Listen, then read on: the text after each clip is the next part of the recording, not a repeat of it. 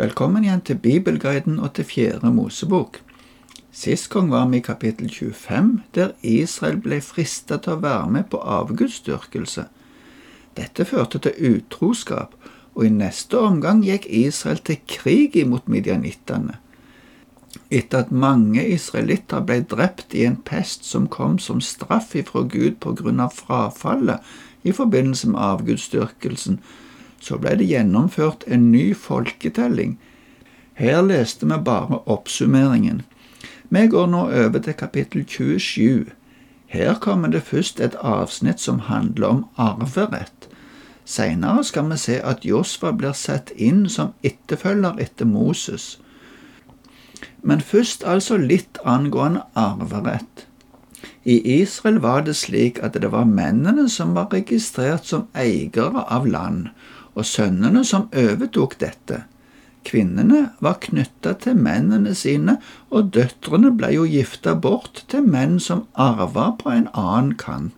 Men det kom opp et spørsmål om en familie som ikke hadde sønner. Vi skal lese fra kapittel 27, fra vers 1 til 11. Nå kom døtrene til Selofad fram. Selofad var sønn av Hefer, sønn av Gilead, sønn av Maker, sønn av Manasse, Josefs sønn. Døtrene het Mala, Noah, Hogla, Milka og Tirsa. De stilte seg opp foran Moses og presten Elasar og lederne og hele menigheten ved åpningen til telthelligdommen og sa, Vår far døde i ørkenen, men han hørte ikke til den menigheten som satte seg opp mot Herren, Koras menighet. Han døde på grunn av sin egen synd, og han hadde ingen sønner skal vår fars navn gå ut av slekten fordi han ikke hadde noen sønn. La oss få eiendom sammen med vår fars brødre. Moses la saken deres fram for Herren, og Herren sa til ham, Selofads døtre har rett i det de sier. Gi dem eiendom til arv sammen med farens brødre, og la farsarven gå over til dem. Til israelittene skal du si, når en mann dør sønneløs, skal dere la arven etter ham gå over til datteren. Har han ikke noen datter, skal dere gi arven til brødrene hans. Og har han ingen brødre, skal dere la brødrene til hans far få arven. Men hvis hans far ikke hadde noen brødre, skal dere gi arven etter ham til den nærmeste slektningen hans. Da er den hans eiendom. Dette skal være lov og rett for israelittene, slik Herren påla Moses. Det var fem søstre som kom til Moses og Elaser med spørsmålet om sin mulighet til arv. De peker på at navnet til deres far ville gå ut av arvelistene fordi han ikke hadde noen sønn. De ba om å få eiendom iblant brødrene til sin far. Spørsmålet ble lagt fram til Herren. Det kom et svar om at disse søstrene hadde rett i det som de spurte om, de skulle få sin eiendom innen sin stamme, men betingelsen var at de gifta seg med noen ifra sin stamme og ikke utenfor stammen. Israel lå nå i leir på Moabs sletteland, like øst for elva Jordan. Moses får nå beskjed om at han skal dø på samme måten som hans bror Aron, Moses skulle gå opp på et fjell der og se ut over landet som Israel skulle inn i, men han skulle ikke få komme inn sjøl der.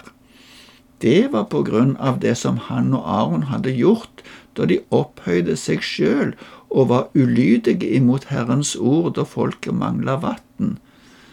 Vi skal lese versene fra 12 til 14 i kapittel 27. Herren sa til Moses, Gå opp på Abarimfjellet og se utover det landet jeg har gitt israelittene. Når du har sett det, skal du bli forent med ditt folk du også, på satte dere opp mot mitt ord i Sinørkenen den gangen menigheten gjorde opprør.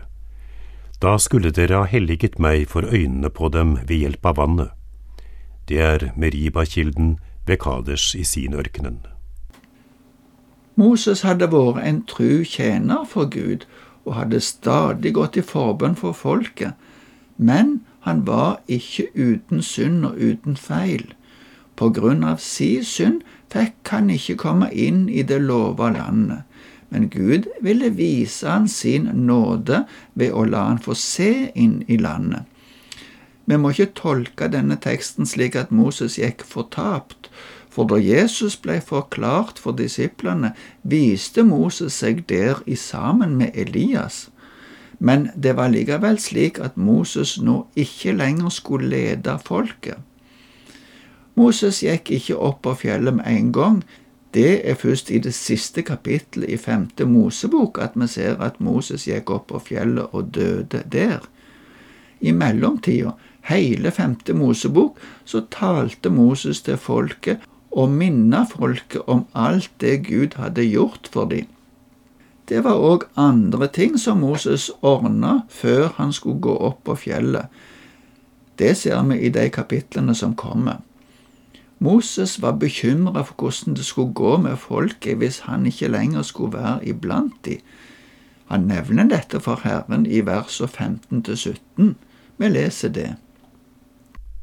Moses sa til Herren, Måtte Herren, som er Gud over livsånden i alt som er av kjøtt og blod, sette en mann over menigheten, en som kan gå foran dem når de drar ut og når de vender hjem, en som kan føre dem ut og føre dem tilbake, så Herrens menighet ikke skal være som sauer uten gjeter.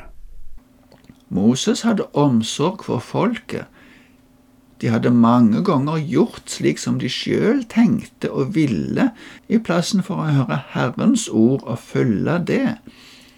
Moses ber ikke om å få være der lenger, men han ber om at Gud må finne en god leder som kan ta folket videre. Herren viste Moses hvem som skulle bli leder etter Moses. Det leser vi om i resten av kapittelet fra vers 18 til 23. Da sa Herren til Moses, Ta Josva, sønn av Nun, en mann som det er ånd i, og legg hånden din på ham. Før ham fram for presten Elasar og for hele menigheten, og innsett ham i tjenesten mens de ser på. Gi ham noe av den makten du selv har, så hele Israels menighet adlyder ham. Men han skal tre fram for presten Elasar, som skal bruke Urim og søke avgjørelser for ham for Herrens ansikt. På hans ord skal de dra ut, og på hans ord skal de vende tilbake, han og alle israelittene sammen med ham, hele menigheten. Moses gjorde som Herren påla ham. Han tok Josva og førte ham fram for presten Elasar og for hele menigheten. Og han la hendene på ham og innsatte ham i tjenesten, slik som Herren hadde sagt gjennom Moses. Josva hadde vært med Moses mye og lenge. Han var med opp på Sinai-fjellet da Moses fikk de to tavlene med buda. Han var òg en av de tolv speiderne som drog inn i Kanan for å utforske landet.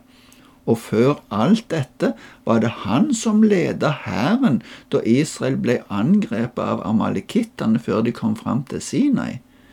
Men den viktigste kvalifikasjonen var nok at det er ånd i ham, som det står her. Sjøl om det ikke står at det var Guds ånd som var i han, er det ikke unaturlig å tenke det. Han blei innsatt i tjenesten ved at Elaser, som nå var øverste prest, la hendene sine på han, og slik markerte at han blei innsett i tjenesten. I det neste kapittelet kommer det en repetisjon av lovene om ofringer. Det var ofringer som skulle foretas hver dag, noen som skulle foretas hver sabbat og hver nymånedag, og til slutt kommer det lover om ofringer på spesielle høytider. Vi skal ikke kommentere så mye om det, men vi skal lese en del av det for å være litt kjent med det som skjedde. Først altså de daglige ofringene. Det leser vi om i de første åtte versene i kapittel 28. Herren sa til Moses, Legg dette på israelittene og si til dem, Mine offer av mat, gaveoffer til en duft som er behagelig for meg, må dere passe på å bære fram for meg til fastsatt tid. Du skal si til dem, Dette er gaveofferet dere skal bære fram for Herren hver dag to års gamle lam uten feil. Dette er det daglige brennofferet. Det ene lammet skal du ofre om morgenen, det andre skal du ofre i skumringen. Som grødeoffer skal du bære fram en tiendedels efa hvetemel blandet med en kvart hin olje av knust oliven. Dette er det daglige brennofferet som først ble båret fram ved Sina i fjellet, et gaveoffer til en duft som er behagelig for Herren. Drikkeofferet som hører til det første lammet, skal være en kvartin, et offer sterk drikk som du heller ut for Herren i helligdommen. Det andre lammet skal du ofre i skumringen, og du skal ofre samme grødeoffer og drikkoffer som om morgenen. Det skal være et gaveoffer til en duft som er behagelig for Herren. De neste to versene handler om det som skulle ofres på sabbaten. Det kom i tillegg til det som skjedde på vanlige hverdager. Vi leser i vers 9 og 10. På sabbatsdagen skal du ofre to års gamle lam uten feil, og som grødeoffer to tiendedels efa hvetemel blandet med olje og drikkofferet som hører til. Dette er sabbatsbrennofferet, et brennoffer for hver sabbat, i tillegg til det daglige brennoffer og drikkofferet som hører til. Vi ser ikke mer om dette nå. Neste gang så skal vi se litt videre på ofringene, men nå slutter vi for i dag. Herren være med deg.